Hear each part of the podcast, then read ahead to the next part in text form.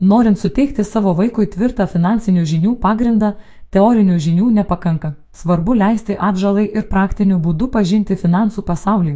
Pavyzdžiui, pasirūpinant pirmąją vaiko sąskaitą.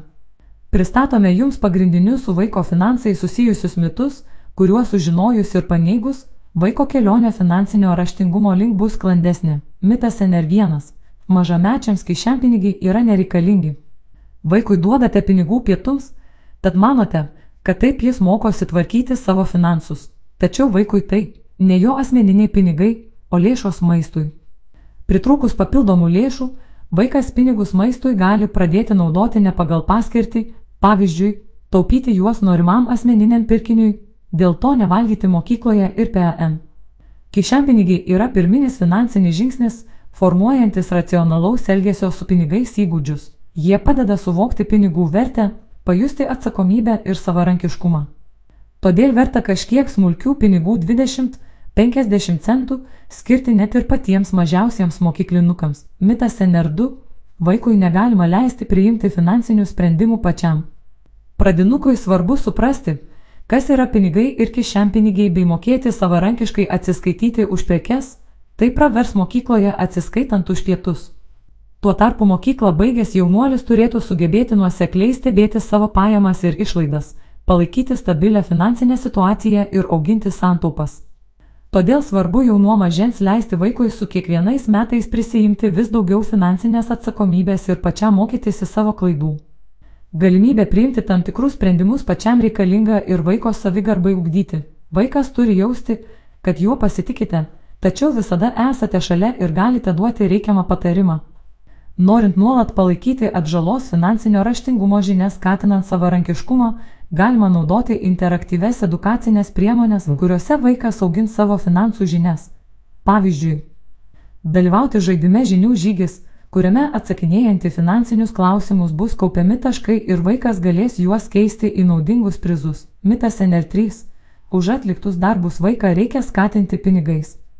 Finansinė paskata yra puikia motivacija, o naudojama tinkamu metu ši priemonė gali padėti vaikui suprasti skirtumą tarp pareigų ir papildomo darbo. Tačiau nepamirškime pagrindinės taisyklės. Už pareigas pinigai neturėtų būti mokami. Pirmiausia, dėlėtų padėti vaikui suprasti, kas yra jo kasdienės pareigos. Rekomenduojama atvirai pasikalbėti, kad už pareigas pinigai nėra mokami, nes tai darome dėl savo ir kitų šeimos narių gerovės. Namų darbai, kambarių tvarkymas, indų plovimas, šiukšlių išnešimas ar vėjos pjovimas turėtų būti traktuojami kaip vaiko pareiga, o ne papildomas žingsnis siekiant finansinio uždarbio. Finansiškai paskatinti galite vaiką už darbą, kuris nėra įtrauktas į jo kasdienės pareigas. Pavyzdžiui, jei kiemo ar vėjos priežiūrai samdote darbuotojus, galite šiuos darbus už piniginį atlygį pasiūlyti atlikti vaikui.